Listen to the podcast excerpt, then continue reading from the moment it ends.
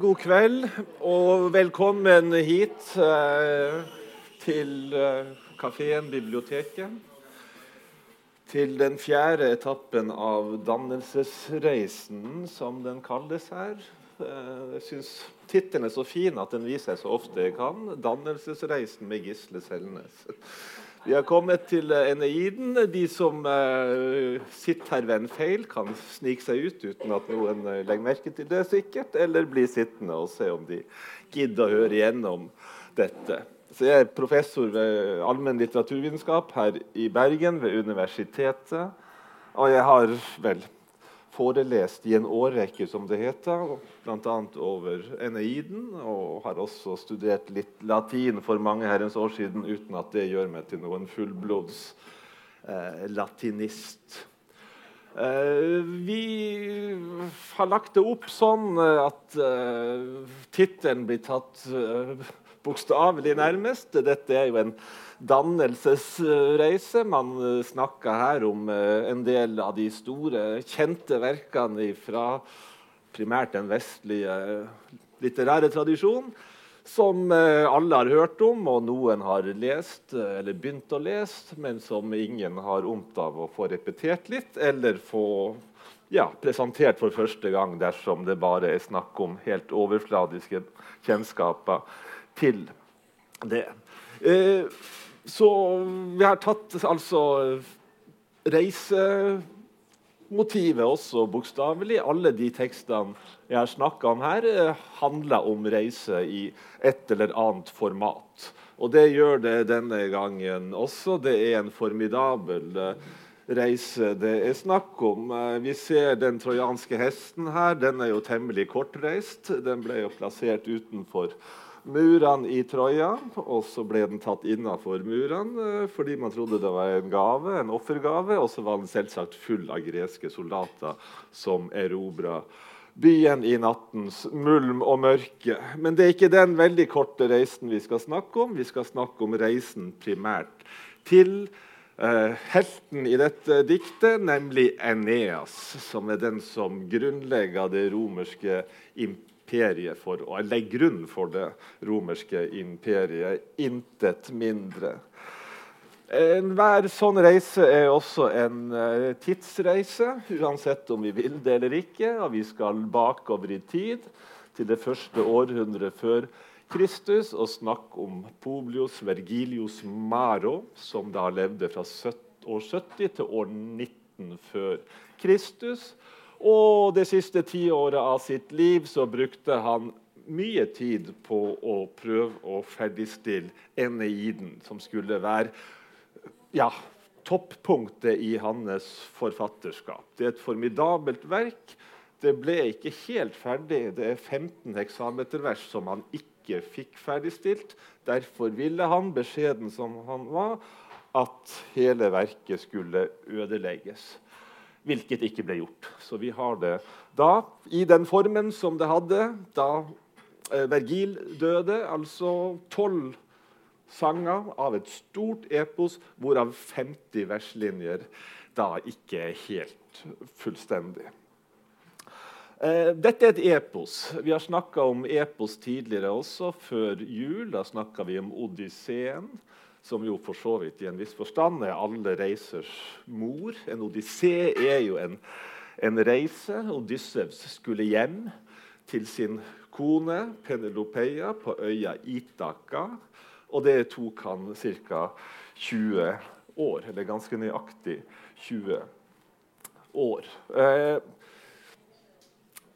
siden eh, sjanger er viktig, i alle fall på denne tida, og siden Homer den greske eh, eposdikteren er et viktig forbilde som vi skal komme tilbake til, for eh, Vergil og for hans store epos.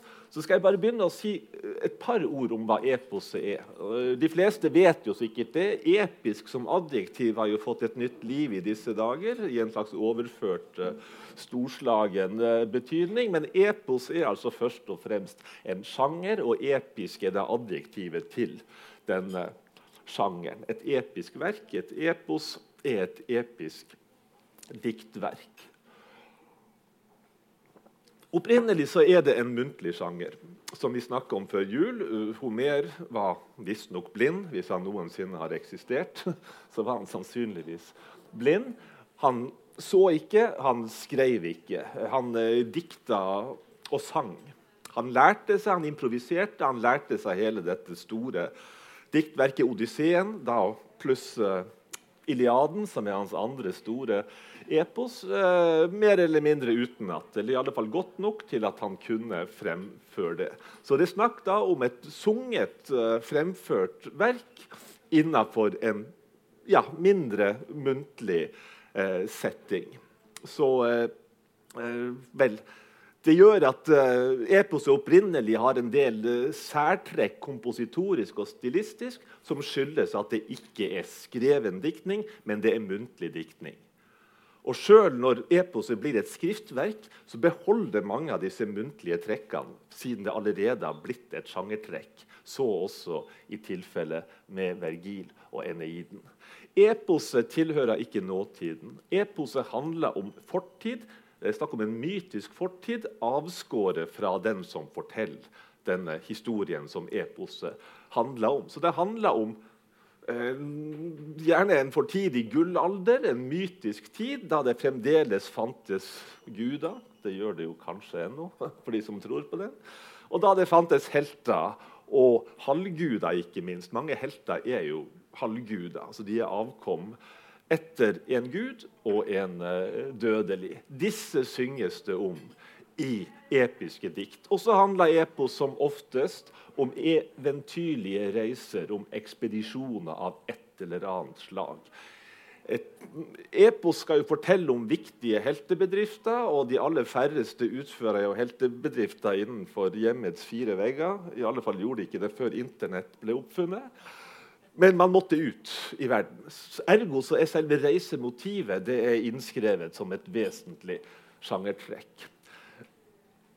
En siste, eller nest siste av disse helt uh, elementære sjangertrekkene det er at man ser for seg at det eposet handler om, er i stor grad uh, vår egen opprinnelse. Man snakker gjerne om nasjonalepos, og det er ikke uten grunn. Eh, veldig mange epos handler om hvordan en viss nasjon ble grunnlagt.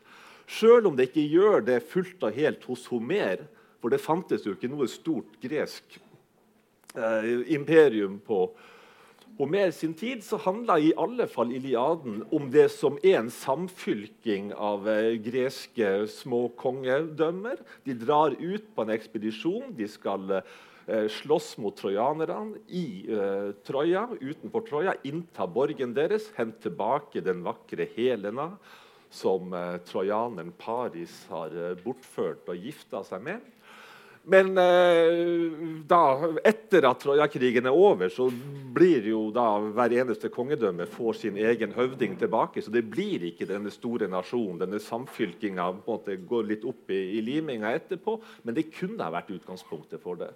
Og mange senere verk handler om nasjonens storhet. Det gjør også Eneiden så til de grader som vi skal se.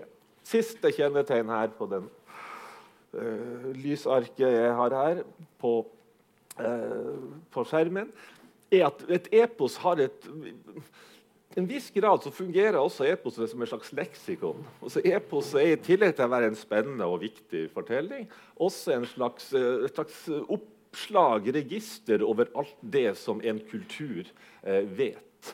Det er noe som man kan føre tilbake til den muntlige situasjonen. Har man ikke opprinnelig situasjon, har man ikke skrift, har man ikke protokoller, har man ikke arkiv og dokumenter, så må jo kunnskapen om hvem vi er, og hvor vi kommer fra, og hva vi har lært, eh, overføres på en viss måte.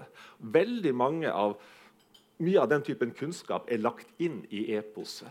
Så når eposdikteren, skallen, synger ut sitt epos, for en forsamling som er der og hører på han, så får de gjentatt det vi vet om hvor vi kommer fra og hva vi har gjort tidligere. Og ikke minst også opprinnelsen til visse sosiale konvensjoner. Eh, veldig mye handler om beskrivelse av, av eh, vanlig høflighet, holdt jeg på å si, eller sosiale koder. og sånn, som eh, fortelles gjentatte ganger fordi det passer sånn i den store sammenhengen.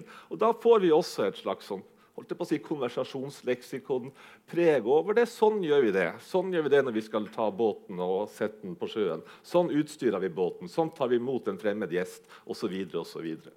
så der ligger det mye kunnskap eh, innfelt i denne sjangeren. Når det er snakk om myter som eh, ligger til grunn for eposet sin fortelling, så betyr jo det at alle de som hører på, kjenner jo egentlig historien. Så det som fortelles, er velkjent, ikke bare for dikteren, men også for de som uh, hører på. Og Det betyr jo da at uh, den store spenninga er ikke knytta til akkurat hva som skjer, men spenninga er mer knytta til hvordan uh, tilrettelegge akkurat denne skallen dette utdraget av mytekretsen som da er blitt uh, eh, henta ut og forma til et episk diktverk, til et epos. Så der kan man variere. og det er klart I den muntlige sammenhengen så varierte man jo på samme måte som en foreleser ideelt sett i alle fall varierer fremstillinga etter responsen hos uh, elevene, studentene. Så varierer da også uh, skallen, uh, måten historien blir porsjonert ut på. uh, ut ifra hvem han snakka til der og da. Begge de homeriske eposene, altså Iliaden og Odysseen, de to store, gamle greske eh, overleverte eposene, handler om episoder knytta til eh, Trojakrigen. Det gjør Eneiden også. Eneiden er en slags fortsettelse av Iliaden. Odysseen er en fortsettelse av Iliaden. Homer sin odyssé. Iliaden forteller om en del av selve krigen mot Troja. Odysseen forteller om Odyssevs forsøk på å komme hjem. Det tar han ti år. Krigen varer i ti år. Det tar Odyssevs ti år å reise hjem igjen til Itaka fordi han er ute på alskens eventyr og havner ut i en si, langt hinsides grensene til den vanlige menneskelige verden. Og så kommer han hjem etter ti år. da. Uh, Eneiden er en slags alternativ fortsettelse på Iliaden. Den forteller historien ikke om hva som skjer med én greker på vei hjem etter Trojakrigen. Det forteller om hva som skjer med en flyktende trojaner, nemlig Eneas. Eneas er trojaner. Han er en av de som blir bekjempa, en av taperne i Trojakrigen.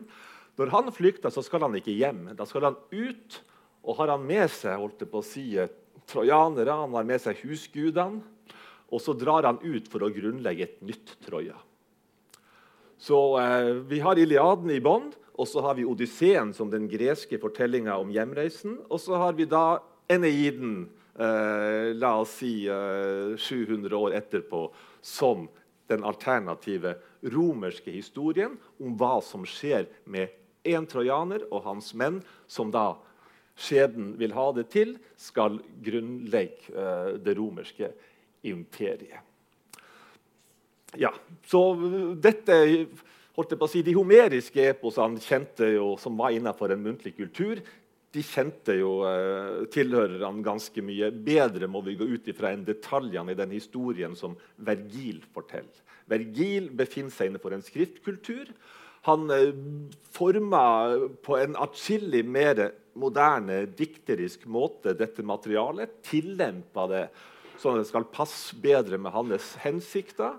Og dikta til episoder uh, på en mye mer aktiv og si, uh, ja, kreativ måte i en viss forstand enn det Homer gjorde. Dette er altså i mytisk tid. Da fantes det uh, både helter og guder. Eh, hovedpersonen, hvis vi kan kalle det for det, med et moderne ord, eh, er en helt. En helt i den gamle betydninga av ordet. Akilles er helten i Iliaden. Odyssevs er helten i Odysseen. Og Eneas er helten i Eneiden. Derav tittelen Eneiden, selvsagt. Derav tittelen Odysseen, men ikke derav tittelen Iliaden. For Iliaden kommer fra Ilion, som er et annet navn på Troja. Eh, Akilles er en halvgud. Odysseus er bare en uh, meget uh, mektig konge og en helt som står i et spesielt forhold til guden. Han er ikke sjøl en halvgud, men Eneas er også en halvgud. Han er sønn av uh, Venus, grekernes Afrodite, kjærlighetsgudinnen, og en vanlig dødelig trojaner. Veldig mye av det som skjer i uh, epos generelt uh, har sin opprinnelse oppe i gudeverden. For til forskjell fra visse si, guder av den typen vi er vant til å tenke oss, innenfor den kristne konteksten i alle fall, så har så er ikke de greske gudene så voldsomt forskjellige fra oss. De har sine feider, de har sitt eh, begjær, de har sin, eh, sitt temperament, og de har sine favoritter. Så de allierer seg med ulike eh, grupper, ulike folkeslag og til dels ulike heltefigurer også. Så driver de og krangler med hverandre oppe i himmelen, og særlig da Eller oppe i Olympen. Og særlig da prøve å få uh, Jupiter, eller romernes Jupiter, grekenes Sevs, til å fatte interesse for deres synspunkt, ha sympati med dem, som at de kan få drevet igjennom sin vilje, sånn at deres favoritter kan gå seirende ut. Så handlinga som skjer her nede på jorda, er et slags uh, speilbilde, eller i alle fall en effekt, kunne man si, av konflikter oppe i himmelen. Og Odysseens åttende sang har en uh, fin linje om dette. Der heter det at gudene vever menneskenes ulykke, slik at fremtidens skaller skal ha noe å synge om. Så vel, det vi leser, Et epos må jo ha episke bedrifter. En fortelling, en reise, må jo være spennende på noe slag. Det må være konflikter for at vi skal bli hekta på dette. og lurer på enten åssen det går, eller hvordan denne skallen skal fortelle akkurat om dette slaget. Hvilken løsning velger han på akkurat denne konflikten. Så uten eh, krig og strid og rivalisering og sterke personligheter ikke noe epos. Eneiden er som sagt i aller høyeste grad et dikt om nasjonens opprinnelse. Det er også ja, det er det romerske nasjonaleposet, kunne man si. Og det er skrevet for og under keiser Augustus.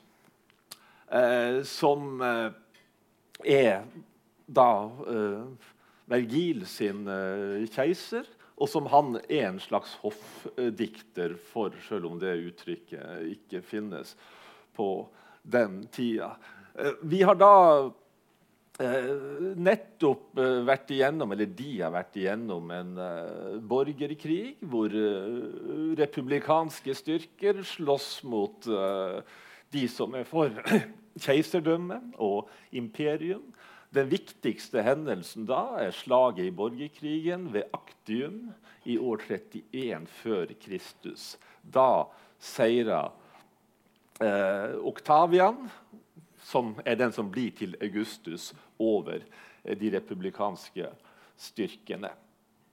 Og vi får denne borgerfreden, Pax Romana, som man skal bygge det romerske imperiet på. Nå har vi vært igjennom en uh, strabasiøs periode, og nå må vi på en måte få elementene til å falle på plass. Nå må vi samarbeide, nå skal vi bygge en virkelig stor nasjon. Det gjør man litterært sett. Dette er den litterære gullalderen i uh, romertida.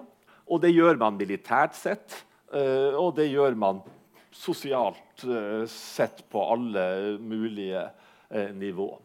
Forfatterskapet til Vergil er langt på vei knytta til keiseren Augustus og hans politikk.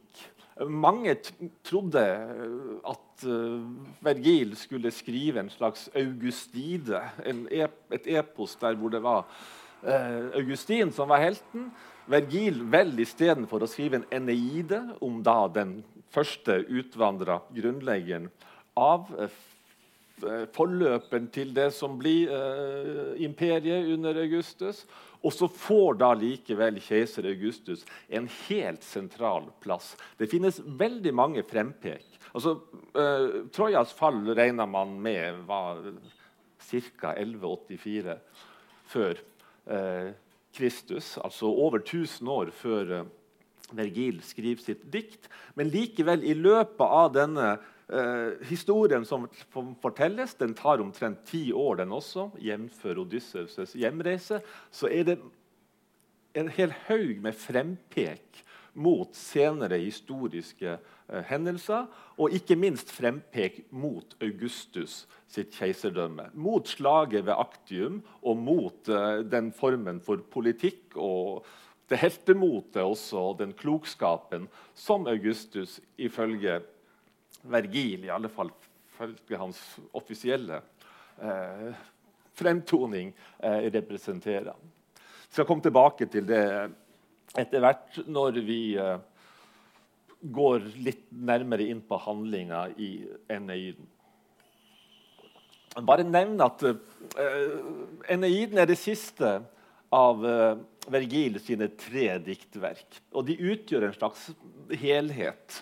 De har hatt en enorm virkningshistorie for senere litteratur i middelalderen og i renessansen. og og senere, og blir en slags sånn kartlegging nærmest av hva det er mulig å bruke det latinske språket til, og de diktformene som hører til det. Alle de tre eh, verkene til eh, Vergil er skrevet på eksametervers. Selv om eksameter først og fremst forbindes med, med epos, så velger altså eh, Vergil å skrive også de to første verkene, 'Bukolikaen', som er en form for hyrdediktning ute i utmarka holdt jeg på å si, blant hyrder og deres eh, omgivelser. Eh, og 'Georgica', som er et læredikt om jordbruk. Begge basert på greske forbilder. Den romerske litteraturen består jo i veldig stor grad av å oversette eh, greske former og sjangre til eh, latin. Det gjelder for så vidt filosofi, og det gjelder i veldig stor grad eh, litteratur også. Så motsatt det man ville tenke i dag, så er det ikke noen uh, drawback eller ikke noen som kan kritisere Vergil for å si at vel, du har skrevet Bukolikaen, men du har jo bare bygd på Helenen Theokrit sine hyrdedikt, sine idyller. Eller at du har skrevet et læredrikt om jordbruk, men du har jo greken Hesiod som modell. Eh, Overhodet ikke. Man skrøt gjerne av å være den første som har dikta på eh, latin eh, over et tema som har allerede funnet sitt uttrykk på gresk, men enda ikke blitt overført eh, skikkelig til eh, latin. Det gjør altså Vergil så ettertrykkelig, og da på den måten at han dekker for så vidt eh, hele eh, det romerske samfunnet i en viss forstand. Altså, dette er stor diktning, ingen tvil om det, men det er også politikk. Det er også ideologi. Eh, I så stor grad at i ettertid så har man da, snakker man gjerne om Vergils jul, basert på de tre diktverkene hans. Uh, tre ulike stilnivå. Her har man dikt i lav stil, hvor det handler om uh, ting som er ja, relativt ruralbondsk, nærmest. Ikke opphøyd i det hele tatt. Det er i hyrdediktene i Bukolika. Uh, som da som sagt, er plassert i utmarka også, så langt bort fra det politiske sentrum som du kommer. Et hakk nærmere Georgika, et didaktisk dikt som også har store mytologiske og til dels kosmologiske innslag også er lagt da til innmark, vil man si. Altså mellom det som er langt der ute, og det som er i sentrum. Eh, der kan man lære om hvordan man skal drive birøkting osv. Samtidig som man kan få høre historien om eh, ja, hvordan Evridike for ned til dødsriket fordi at det er knytta til og ble henta opp igjen av Orfus. Fordi at akkurat den myten er knytta til birøkting. Grunnen til at Evridike døde, var at Hun tråkka på en slange da urbirøkteren eh, forfulgte henne og skulle voldta henne. Parentes slutt. Mens Eneiden da er satt i maktens sentrum. Det er høystil, det er hoff. Eh, og da, da, da, handler det om de virkelig store eh, tingene som da er de som diskuteres i maktens sentrum. Så det er en helhet, eh, dette, og sånn har det blitt tradert eh, seinere. Dette er åpningen av Eneiden. Skal vi se, Grunnen til at vi har det med her, vel, kan være eh, så mangt. si, vi ser en fille av et gammelt manuskript. Og så ser vi bokstavering med store bokstaver, sånn som det så ut. Man skrev på den tida uten åpenrom mellom ordene, for man skulle jo da selvsagt spare på, på skrivematerialet. Så det, man ser ikke umiddelbart hvor det ene ordet slutter og det neste begynner. Men siden vi vet at dette er skrevet etter et fast uh, versemål, etter heksametervers, så kommer man inn i det etter hvert hvis man behersker latin, og det gjorde man jo på den tida. Godt nok, i alle fall. Til at vel da gir også ganske mye mer seg sjøl. Andre innslag der er er da satt opp med, med, små bokstaver og med åpen rom mellom ordene. Og så er det oversettelsen her fra Otto Sten Due sin danske gjendikting, som er den jeg har pleid å lese uh, mest i det siste, bl.a. fordi vi legger den opp på allmennlitteraturvitenskap i Bergen.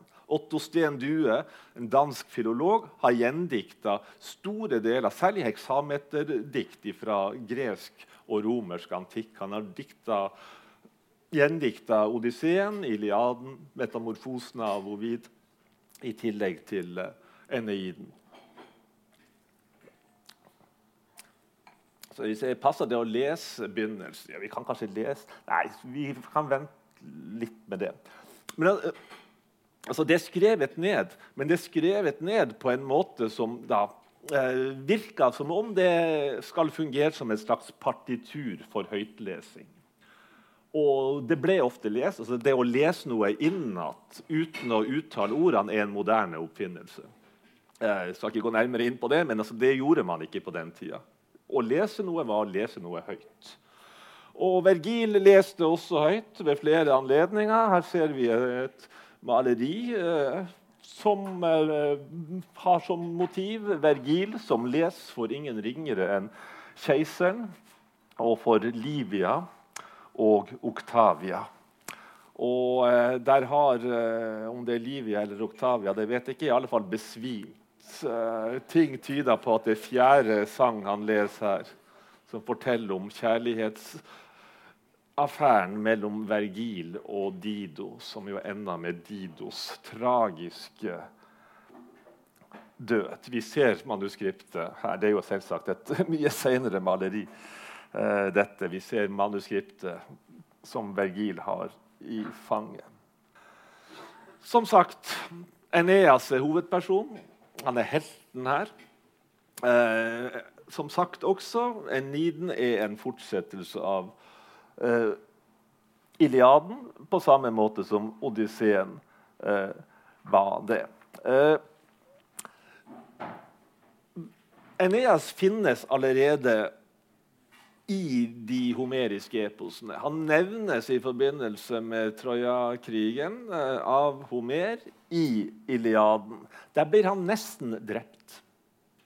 Men da griper Poseidon inn, som er den som har eh, vært med og uh, sørga for at bymuren i Troja ikke skulle være mulig å innta. Poseidon, havguden, griper inn og hindre at Eneas blir drept. Og det gjør han fordi at Eneas har blitt forutbestemt til å overleve, fordi han har den historiske misjonen at han skal ut og gjøre eh, store bragder og føre den trojanske slekten videre som stamfar og hersker.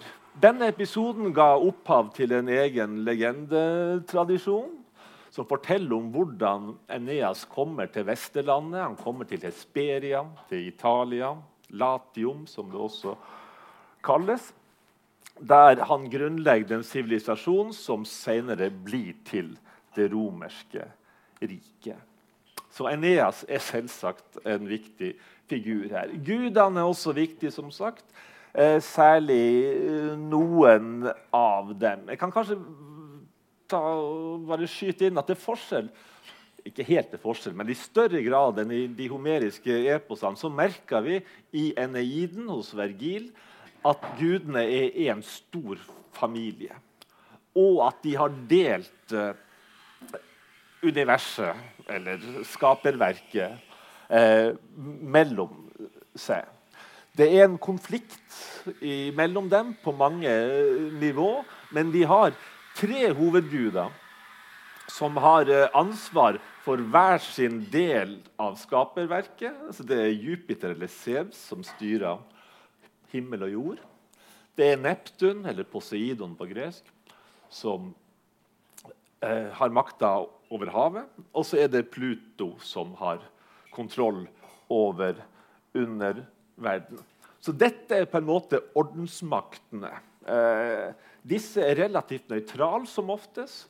Eh, de har makt, men de, måte, de gir opp en del av sine egne innskytelser og impulser og begjær, sånn at uh, universet og menneskets rike skal holdes mer eller mindre i balanse. Men ikke alle er like innstilt på kompromiss. De mest aktive er i den episke verden uh, ofte damer. Eh, mektige damer som har sine likes and dislikes, eh, som eh, damer ofte har, i motsetning til menn. Det var selvsagt en vits. Men altså, det er særlig to uh, gudinner som driver handlinga videre her. Og Den ene er Venus, som jo da selvsagt eh, har en sterk forkjærlighet for trojanerne, en sterk lojalitet til dem, fordi at hun er mora til Eneas. Hun taler Eneas sin sak eh, for eh, Jupiter i himmelen, og hun griper inn ved flere anledninger også i løpet av handlinga. Blant annet er det Venus som sørger for at Dido blir forelska i Eneas, sånn at Enea skal bli tatt godt imot når de havner hos Dido i Kartago helt i begynnelsen av Eneiden. Den andre guden som eh, har et eh, minst like sterkt engasjement, er Juno. Som, eh, ja, Saturn er jo urguden, faren til Jupiter eller Sevs. Og faren til Juno også. Juno er gift med sin bror eh, Jupiter. Men hun eh, har da virkelig noe hun skal bevise fordi at hun er drevet av et hat mot trojanerne. Og Det er jo en lang historie, men for å gjøre en lang historie kort eh, Det handler om stridens eple, som har blitt et uttrykk eh, i ettertid. dette. Paris var kongesønn i Troja. Det hadde gått ut en spådom om at Paris skulle føre til at det trojanske riket gikk til grunne. Derfor tok mora hans og satte han ut. Han overlevde på Ida-fjellet. Eh, og blir en ung, eh, pen mann. Trojanerne er pen som oftest. De er pyntesyke også, i stor grad. Ganske jålete. Ja, det går klart frem at de er det. Eh, men eh, det er snakk om et bryllup. Det er da foreldrene til Akilles, den største greske helten, skal gifte seg. Så tar stridsguden Der finnes det flere gudinner til stede. Det er Atene, og så er det Afrodite, og så er det Hera. Hera og Juno er den samme. Afrodite og Venus er den samme. Uh, og Athene i Minerva, men det er ikke så viktig akkurat uh, her. Så kasta Eris, uh, stridens gud, et eple inn der det står 'til den vakreste'. Og når det er tre gudinner uh, av den, det kaliberet der, så er det klart Hvem er det som tør å gi eple til en av dem? Det gjør selvsagt denne byttingen eller oppkomlingen eller den fremmede Paris, og han gir eplet da til Venus. Fordi at Venus lover at hvis hun blir kåra til den vakreste, så skal Paris få den vakreste damen av dem alle, og det er Helena. Og ja, Så blir Helena røva, og det er begynnelsen på, på eh, Troja-krigen. Men i alle fall, det fører jo da til at Juno har et voldsomt hat mot trojanerne og vil ødelegge dem. Og gjennom hele, Fra begynnelse til slutt så er det Juno som står for veldig mye av den motgangen som Eneas og hans trojanere eh, opplever på denne lange ferden fra Troja inntil de da har funnet sin plass, mer eller mindre, i Italia. I Eneiden har Juno også en ekstra grunn til å være skeptisk, aktivt skeptisk og motarbeide trojanerne. Og det er det at Juno er også byen Kartagos beskytterinne. Og det har gått ut et rykte om at uh, Kartago skal bli utsletta av et folk som utgår ifra Troja-riket. Og det skjer jo da også til slutt. Vi ser Vi er ikke veldig god til så jeg lurer skal hoppe litt over et par eh, biter her. Og så skal vi se Ja, her ser vi eh, Eneas' reise fra Troja til han kommer til eh, Italia. Det tar han eh, ganske lang tid. Da Uh, Eneiden åpna, så er det syv år siden de har uh, flykta fra Troja. Da har de kommet til Sicilia, og så har uh, de da prøvd å Så har faren til Eneas dødd. Ankises er død. Og så prøver de å komme seg videre til fastlandet, men så blir de tatt av en voldsom storm og så havna de i Kartago. Dit blir de drevet i land. Så utgangspunktet for den historien som fortelles, eller sånn som denne mytesnutten fortelles av Vergil, er Kartago. Kartago nevnes før uh, trojanerne og Eneas nevnes. Og det er klart, for eh, romerne på Vergil og Augustus sin tid, så er jo Kartago det er jo arvefienden. Altså, man har jo hatt eh, Kartago som sin fiende opp gjennom mange uh, år. Og alle sammen har sikkert hørt dette utsagnet til Cato den eldre som han slutta alle sine taler med i Senatet, at for øvrig mener jeg at Kartago bør utslettes, eller må utslettes. Det ligger jo rett overfor eh, Romerriket på andre sida av Middelhavet, og det er en stor trussel. Så det er en interesse i samtiden også for å ja, få forklart kanskje hvor kommer denne historiske konflikten fra. Hva er det den skyldes? Så eh, Dette er på en måte startskuddet. In medias eh, race. Og så får vi da rulla opp eh, det som kan, i alle fall mytologisk forklart, være bakgrunn for denne voldsomme Eh, konflikten. Så i utgangspunktet så er det kaos. Altså, vi er midt inne i et uh, voldsomt uvær. Og den som har piska opp dette uværet, er nettopp Juno. Så Juno er redd for at uh, Eneas uh, skal komme dit han har tenkt å komme, og får da Eolus som er guden over vindene, til å slippe ut alle vindene samtidig og piske opp et voldsomt uh, uvær for Eneas og hans menn. Det er en veldig kjent beskrivelse. dette. Den er kalkert over et lignende stormscene i femte bok av Odysseen.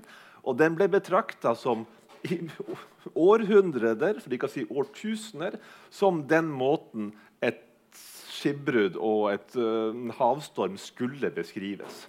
Ingen hadde gjort det så godt som det Vergil gjorde. Så her hadde man til og med i skolen som skriver en stil, en skildring av en uvær og skipsforlis. til sjøs. Og bruk da holdt jeg på å si, språket på den måten som uh, Vergil har gitt et slags uh, forbilde for. Så det er en dramatisk uh, scene. Selvsagt hyperbolsk overdrevet. Bølgene strekker seg helt opp til stjernene. Så åpner det seg avgrunner så langt ned at du ser sanden på havbunnen. På havbunnen, og så sier Eneas det som eller han tenker i alle fall det som alle skal tenke, at å hvor lykkelige de var, de som døde i kampene ved Troja osv. Her skal man virkelig få en fornemmelse av at det er stor eh, dramatikk. Men det vi også ser i denne scenen, og senere i uh, Eneiden også, det er at beskrivelsen av Eneas uh, er ikke helt den samme som den vi finner av mer klassiske, opprinnelige krigerske helter. Eneas har en dybde og en slags kompleksitet som f.eks. Akilles, som jo er den store krigeren og helten, for å kalle han det, i Iliaden, eh, ikke har. Og det skyldes vel mange ting, men eh, det skyldes ikke minst det at Eneas har, i motsetning både til Akilles og Odyssevs, han har en misjon. Han har en misjon som er større enn han sjøl. Akilles er jo bare sterk og rasende og vil eh, være en tøff, modig kriger og gjerne dø ung og bli en helt i underverden. Det blir han også. Odyssevs vil hjem til seg sjøl. Han mista jo tolv skip og alle, hele mannskapet sitt. Han bryr seg jo ikke nevneverdig om dem. Men det som Eneas gjør, er at han drar ut på en reise, så har han en misjon, og han skal ha med seg hele mannskapet for å grunnlegge den trojanske sivilisasjonen på nytt. Så selv om han er redd, selv om han ikke føler at han er oppgaven uh, helt, uh, helt, på høyde med, med, oppgaven, så prøver han å beholde roen. En passasje her i Otto Sten gjendiktning. Det var hans ord, og tross hans nagende tvil er hans ansikt fullt av fortrøstning. Han skjuler sin sorg inne i hjertet. Så Eneas kan tvile, han kan vinge litt hit og dit, men han viser seg besluttsom og fatta utad for å berolige sitt mannskap. Det vi også får høre allerede i første sang, det er rett og slett en spoiler. Eh, vi får høre hvordan alt skal gå. Det er jo ikke en spoiler, for det er klart de som hører eller leser dette verket i uh, Vergil sin samtid, vet jo åssen det går. Men allerede i første sang så får vi en passasje der hvor Jupiter leser fra skjebnens bok det som er nedskrevet. Han leste til Venus når hun kommer og klager til, til uh, Jupiter og spør om skal Juno nå få lov til å holde på å lage så mange problemer for uh, Eneas og hans trojanere. Så sier han slapp av, dette her kommer til å gå bra. Og så leser han da hele historien om hvordan de faktisk skal komme i land og skal beseire de innfødte som ikke er deres allierte, og hvordan de skal grunnlegge uh, et imperium der osv. Så, videre, og så, videre. så allerede i begynnelsen så peker tross alle disse vanskene og, og, og motstand, hindringene som de møter, så vel så går det riktig vei. Det vet vi. Så selv om det er skipbrudd og skipsforlis her, så er på en måte historiens uh, gang den er forutbestemt. Dette er skrevet ned i en bok, rett og slett, helt fram til keiser Augustus sitt eget, uh, sitt eget imperium. Men altså, uh, de kommer i land i Kartago. De er da vitne som vi blar jeg feil vei, som vi så her eh, Når de kommer dit, til at en eh, Oi, oi, oi, til at en by er i ferd med å bli reist. Det er Dido, en dronning som har vandra ut fra Midtøsten eh, til Kartago og er i ferd med å bygge opp sitt nye rike. På samme måte som Eneas jo har tenkt at han skal gjøre når han kommer med sine menn til Hesperia eller til fastlandet eh, Italia. Eh, så eh, blir de tatt godt imot etter å ha betrakta disse fantastiske eh, scenene, som episke holdt jeg på å si, byggescener, og lykkelige folk som alt ser sin by stige frem, sier Eneas ved et tidspunkt. Det foregår stor aktivitet, og de er i ferd med å konsolidere sitt rike, disse kartagene. Som sagt, Venus viser seg for Eneas. Venus er mor til Eneas. Hun sørger for at de kan eh, bevege seg i en usynlighetssky. Ingenting er umulig. Og så sørger hun også for at Dido blir forelska i Eneas. Og det gjør hun ved at hun lar Cupido eh, forvandle seg til eh, eh Eneas' sønn. Sønnen tar de bort og lar han sove trygt i en skog et sted. Men så er det da Cupido som er Eneas' sønn, og som Dido tar på fanget, og som da selvsagt kan stikke henne med kjærlighetspilene som gjør at hun blir forgapt i Eneas. De steller i stand en stor fest, og det blir lest opp eh, og sunget epos og så videre. Og så ber da eh, Dido Eneas om å fortelle sin historie. Litt på samme måte som skjer midt i eh, Odysseen, hvor Odyssevs kommer til Fajakenes øy og forteller sin historie der, så får vi her ganske tidlig en eh, scene der hvor det er Eneas som inntar poetens rolle og forteller i første person historien om det som skjedde med den. Så da får vi fortalt her historien om Trojas fall. Den finnes ikke i uh, Iliaden av uh, Homer, der man kanskje trodde den skulle finnes, fordi den er bare et lite utsnitt av selve Trojakrigen. Men på Didos oppfordring så forteller Eneas om hvordan alt foregår der. Der finner vi alle de detaljene som de som er historisk interesserte, kjenner til om den trojanske hesten osv. Eh, de taper jo selvsagt. De blir erobra av trojanerne. Og Eneas eh, motstår fristelsen til å bli igjen og slåss. Han flykta med sin egen far på nakken, sin egen sønn ved hånden og eh, penatene, eller husgudene, i armen. Så han drar da ut med både den forrige slekt, den kommende slekt og med disse gudene som har sørga for samholdet hos eh, trojanerne. I tredje sang fortsetter Neas og forteller, forteller om reisen disse syv årene som eh, har gått mellom Trojas fall og hans eh, ankomst etter forliset i Kartago. Eh, og Da seiler han innom veldig mange av de samme stedene som eh, Odyssevs har seilt ifølge Omer i Odysseen, og ser kykloper og den ene eh, skikkelsen etter den andre, seila til og med forbi øya Ittaka, der eh, Odyssevs kommer fra. Men altså eh, Historien som eh, Eneas forteller, er jo spennende i seg sjøl, men den viktigste funksjonen den har, er jo at den gjør Dido enda mer forelska i ham. Og Eneas gjengjelder hennes kjærlighet, og de vies, som det heter, mens de er ute på jakt, til tross for at Dido har avlagt et løfte om at hun aldri skal svike sin avdøde ektemann. Så her har vi en konfliktsituasjon. Dido er dronning. De er i ferd med å bygge en egen by der. Eneas har en misjon. Han skal dra og grunnlegge et nytt eh, rike. Og så kommer denne kjærlighetsepisoden her, denne såkalte Dido-tragedien. For det ender jo med at Eneas blir minnet på at du kan ikke være her, du har en misjon å utføre.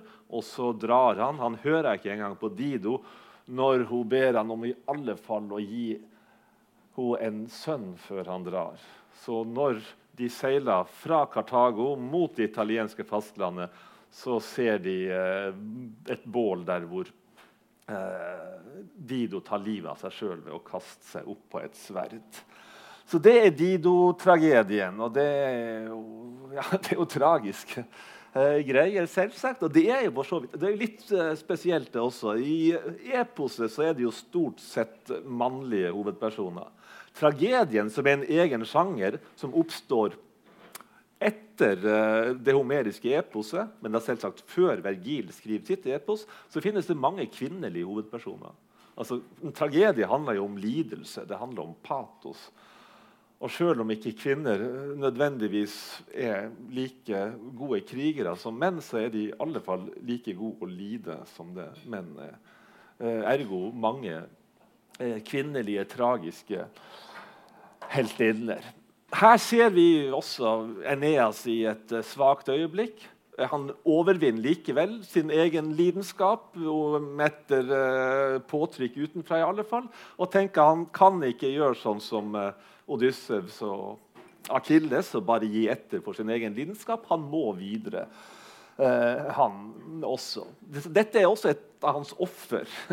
altså, han må ofre Dido for å bygge det romerske imperiet. Og Det er en gjennomgangstematikk her, eller et gjennomgangsmotiv. kunne vi si også. Så mye motgang og så store offer må det til for at en så stor sivilisatorisk bragd som eh, det romerske imperiet skal bli en realitet. Så mye av verdien til ulykkene, til kampene, til forsakelsene er nettopp å vise hvor stor verdi utkommet av dette faktisk har. Tante molis erat romanam condere gentem, heter det på norsk-latin. Altså, så stor møye var det å bygge eh, det romerske folket sin nasjon, eller noe i den dur. I tillegg så er det et mulig uh, ufint ideologisk uh, poeng her. Uh, fordi at det som vi, det var, Seksualmoral var, var hyppig diskutert på Vergil og Augustus sin tid. Man fikk en ny moralkodeks som i alle fall for overklassekvinner regulerte deres seksualitet i veldig stor grad eh, grad. Eh, Vergil sjøl var sannsynligvis homoseksuell, men det var jo overhodet ikke umoralsk. Verken da eller nå, holdt jeg på å si. men i mellomtida har det, har har det vært det.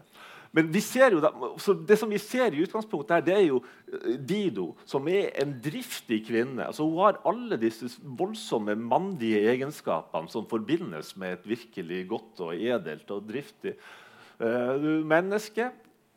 Hun har eh, lederegenskaper, hun er from, hun er rettferdig, hun er driftig. Vi ser hvordan byen blir bygd. Og så er hun kysk. Hun er en enmannskvinne, en onivira. Men så det, ligger det jo muligens en slags tendens under her. Det som vi ser, og som har vært vanlig å tenke, det er jo det at kvinnen er det lidenskapelige og kjønna vesenet, mens mannen er mer universell. Jeg sier ikke at det er sånn, jeg sier at det er en tradisjonell måte å se det på. Og det som vi får illustrert her i en viss forstand, det er jo da altså, denne skikkelsen, som jo er av kvinnekjønn, er satt til å lede et helt folk. Men se nå hva som skjer da når hun da igjen forelsker seg. Da går jo absolutt alle disse edle egenskapene over til å bli eh, ja, ren eh,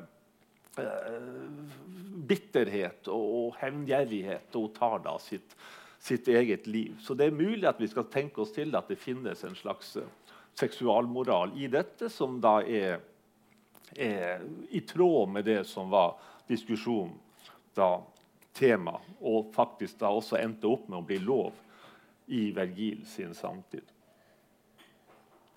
Vi har ikke lang tid igjen, men la oss bare bla litt igjennom disse sangene. Femte sang er en litt statisk sang. De drar tilbake igjen innom Sicilia der de selvsagt opplever en del eh, problemer underveis. Eh, de har eh, olympisk-lignende leker på årsdagen for Ankises' død, faren til Eneas, men så setter de omsider seil og skal dra til fastlandet. De kommer til Komae sør i Italia. Og Her har vi en overgang kan vi si, fra den første delen av Eneiden til den neste. Uh, underverdensmotivet finnes i uh, de fleste epos. Dante tar jo det og gjør det til uh, holdt jeg på å si, scenario for hele sitt kristne epos, hvis det da kan kalle det for et epos. I ellevte sang av, av Odysseen så er de nede i dødsriket. Vergil tar denne episoden og utbroderer den på en uh, måte som er ja, storslagen diktning og også symbolsk, uh, allegorisk, ideologisk uh, særdeles effektivt. Det er ikke uten grunn eller det er slett ikke uten grunn at det er Vergil som blir Dante sin ledsager gjennom underverdenen i Dante sin guddommelige komedie. Jeg kan ikke gå i detalj her i det hele tatt, men i alle fall så blir da Eneas vis ned får en panoramabilde av underverden. Vi ser de ulike delene. Det er arkitektonisk flott bygd opp. Han treffer igjen Dido, prøver å be om unnskyldning på, uh, av noe slag, men Dido trekker seg bare tilbake og vil ikke snakke med han der. Men det som finnes da i underverden, det er vel både døde sjeler, selvsagt. De blir straffa. Noen av dem, men ikke alle. Og så finnes det en plett der i underverdenen også, hvor de salige bor, hvor de gode menneskene bor. Og det som sjette sang munner ut i, der treffer Eneas sin far, og det er han som viser han på en måte de store sammenhengene i kosmos. Så Der kommer vi inn i et slags større kosmologisk bilde som også ruller opp det som er fremtid for Eneas, men fortid for Vergil og for oss. Hvor vi får et slags helteskue hvor de fremtidige, sett fra Eneas sin samtid, eh, keiserne, én etter én, blir vist frem. Så når eh, Eneas kommer ut ifra underverden, så har han på en måte vært igjennom en slags uh, rituale. Da kommer han ut som et nytt menneske, og da er han klar. Da vet han hvordan fremtida skal se ut. Da har han lært hva det er som er romernes historiske misjon, nemlig å, å uh, drive med sivilisasjonsbygging. Ditt kalde romer er det å lede og byde, befale i verden. Husk, det er din kunst å pålegge folkene freden. Skåne enhver som bøyer seg for deg, og knuse den steile. Så Her får vi vite hva det er som er det romerske rikets store misjon. Det å nå fram til den pax romana som Augustus da allerede har nådd fram til, og til å styre de store, ulike nasjonene. Vi må bare bla litt fort igjennom. Han kommer til Latium eh, først, eh, Eneas. Da er vi på fast, De seiler nordover, kommer til munningen av elva Tiber. Det er jo den som renner gjennom Roma i dag. Der går eh, Eneas inn i det som er konflikten mellom ulike lokale folkeslag som da står i konflikt med hverandre. Så går det eh, fins et rykte om at eh, dattera til kong Latinus skal gifte seg med en fremmed, og så går man da ut ifra at Eneas er denne fremmede. Og så får vi disse vanlige episke paradene over de store eh, militærstyrkene osv. I åttende sang, som også er viktig og spennende, eh, så besøker Eneas Evander. Han er en greker fra Arkadia som bor akkurat på det stedet der Roma blir eh, grunnlagt senere. Han ber om hjelp, og denne Evander sender sin egen sønn, Pallas, under Eneas beskyttelse for å stå i spissen for de militære styrkene. Og Vi har en sånn scene her hvor de går faktisk rundt i dette området og ser på de stedene som da selvsagt Vergil og Hannes samtidige vet at der blir palasset liggende. og Der har vi den arkitektoniske perlen, og der og der og der. Og så er det da en greker, Evander, som betyr god mann, rett og slett, som sender sin egen sønn for å hjelpe til i krigen mot uh, de uh, fiendene som da Latinus har på italiensk jord. Og så får vi dette flotte, utrolig flotte, viktige motivet her, hvor Eneas får et nytt skjold. Og Det er et skjold som er et emblem over hele den romerske historien. I sentrum har det slaget ved Aktium, som jeg nevnte, 31 før Kristus, da Oktavian Augustus beseirer republikanerne. Og så er det da andre viktige historiske hendelser. Det er et slags sånn historisk, kosmologisk eh, objekt, dette, som Dante har eh, sett nøye på eh, når han ser for seg hvordan universet skal se ut i sin egen guddommelige komedie. Og Det er klart det gir en dobbel effekt at Eneas, som jo aldri ikke vet hva slaget ved Aktium er, i motsetning til Vergil og hans samtidige, står da og ser på dette som han ikke forstår, men som vi som leser om det, forstår. I alle fall de som leste om det da. Og da på en måte kan sette, sette Eneas' undring litt i perspektiv. Det er mange tumulter, som det pleier å være i et, i et slag. Eh, men eh, ja kan, Nisus og Evrialus er to av de store heltene som blir beskrevet i sin egen sang. I tiende sang så blir Pallas drept av Turnus. Pallas er fremdeles sønn til Evander, den greske gode mann som bor på det samme stedet som Roma skal grunnlegges. Han blir drept av eh, Turnus. Og Turnus Turnus er kongen til det mektigste folkeslaget blant motstanderne til latinerne, nemlig rutulerne. Turnus er rutulerkongen. Nest siste sang der dør volskeren Camilla, som har blitt beskrevet tidligere. Hun en slags amazone, krigersk eh, eh, skikkelse. Det skjer da etter at man har inngått en våpenhvile for å begrave Pallas eh, som da brytes. Men likevel så blir det avgjort at Turnus og Eneas skal møtes i en tvekamp. Og det er det som er den aller siste sangen. Da er det Eneas som slåss mot Turnus. Jeg kan skyte inn, altså, som sagt, Det er akkurat som Eneiden er delt på, på midten. Eh, I begynnelsen så har vi en reise à la Odysseen, som går over seks sanger. Eh, fra og med sjuende sang så er de kommet på fastlandet. Akkurat, og da begynner uh, Eneiden på nytt. Det har en ny påkallelse av musene osv. Vergil sier også at nå er det større diktergjerninger som jeg er nødt til å uh, utføre.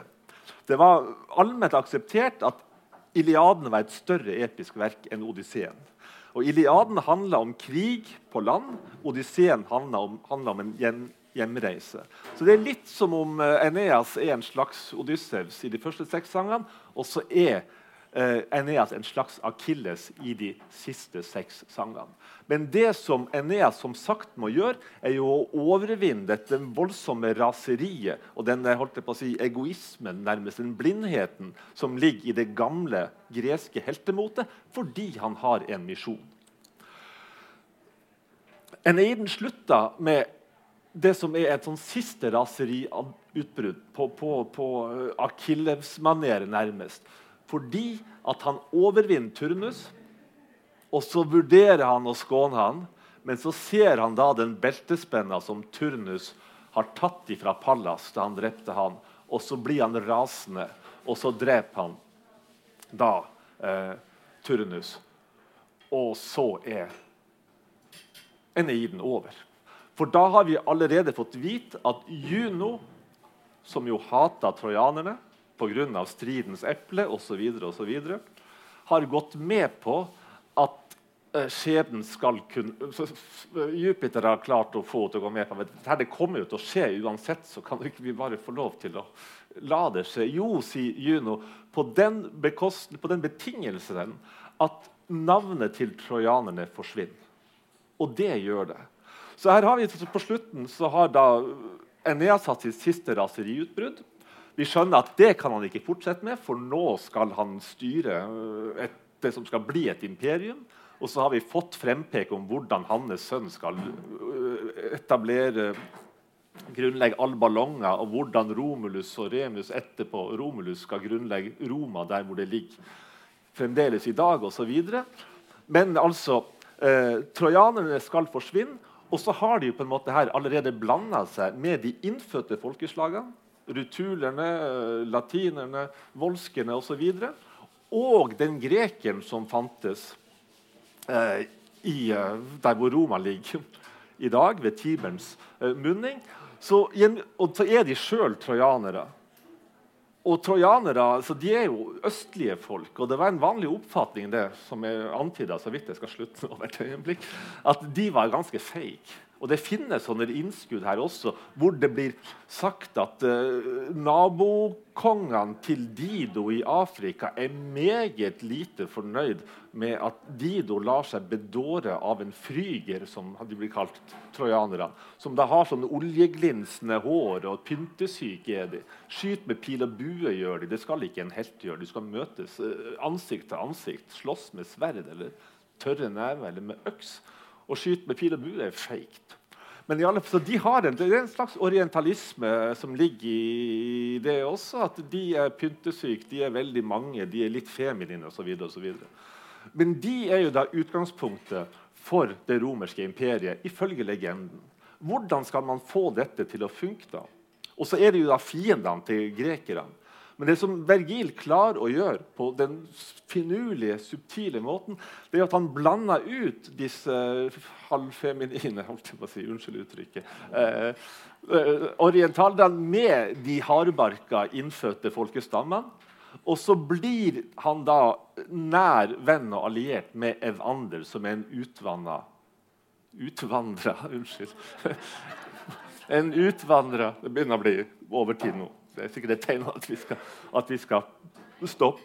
Og så, vel, så da har vi for så vidt eh, en nasjon som jo er holdt jeg på å si, eh, sinnbildet på et imperium. Det er ikke én opprinnelse de har, det er ikke én nasjonal identitet, men de blander alle kjente nasjonale identiteter. Som det sømmer seg et imperium som jo skal ut og styre, og ikke bare bestå av én helt bestemt nasjonal uh, folkegruppe. Så det er på en måte et av de mange genistrekene litterært så vel som politisk, ideologisk, som, uh, som Vergil foretar. Så kan, dette er et litt akademisk sitat, men vi må jo ha en greie her helt til slutt. Uh, dette er en viss uh, Reed som har skrevet om nasjon og poesi i Eneiden. Man bare tar les for å slutte de utheva uh, passasjen her. The Roman has an ambivalent place wherever in the world he stands, even in Latium. Altså der hvor han kommer blant latinerne. Belonging everywhere, he belongs nowhere. Så han har ikke én fast bestemt plass, men han hører hjemme overalt. Er en. We have the uh, Yeah, okay. So we are free to recuperate or hente inn igjen the poem's provisionality as less ambivalent than multivalent, and as serving the capacious imperialism consistent with the claims of the Roman Empire. Så det er på en måte da, ja, Dette her det går som hånd i hanske med det som er det romerske imperiet sitt uh, selvbilde. Vel, vi kan styre overalt. Vi består av veldig mange ulike uh, ingredienser i vår nasjon, i vårt uh, egen forhistorie. Og vi er også av den grunn skapt til å være de som bringer fred og orden og system utover til de som ikke befinner seg innenfor våre egne nasjonale grenser, men som befinner seg der ute, og som vi har eh, erobra. Vi lar det være med det. Vi er nesten ti minutter på overtid, så jeg må bare sette strek. rett og slett. Men takk for tålmodigheten og tilhør.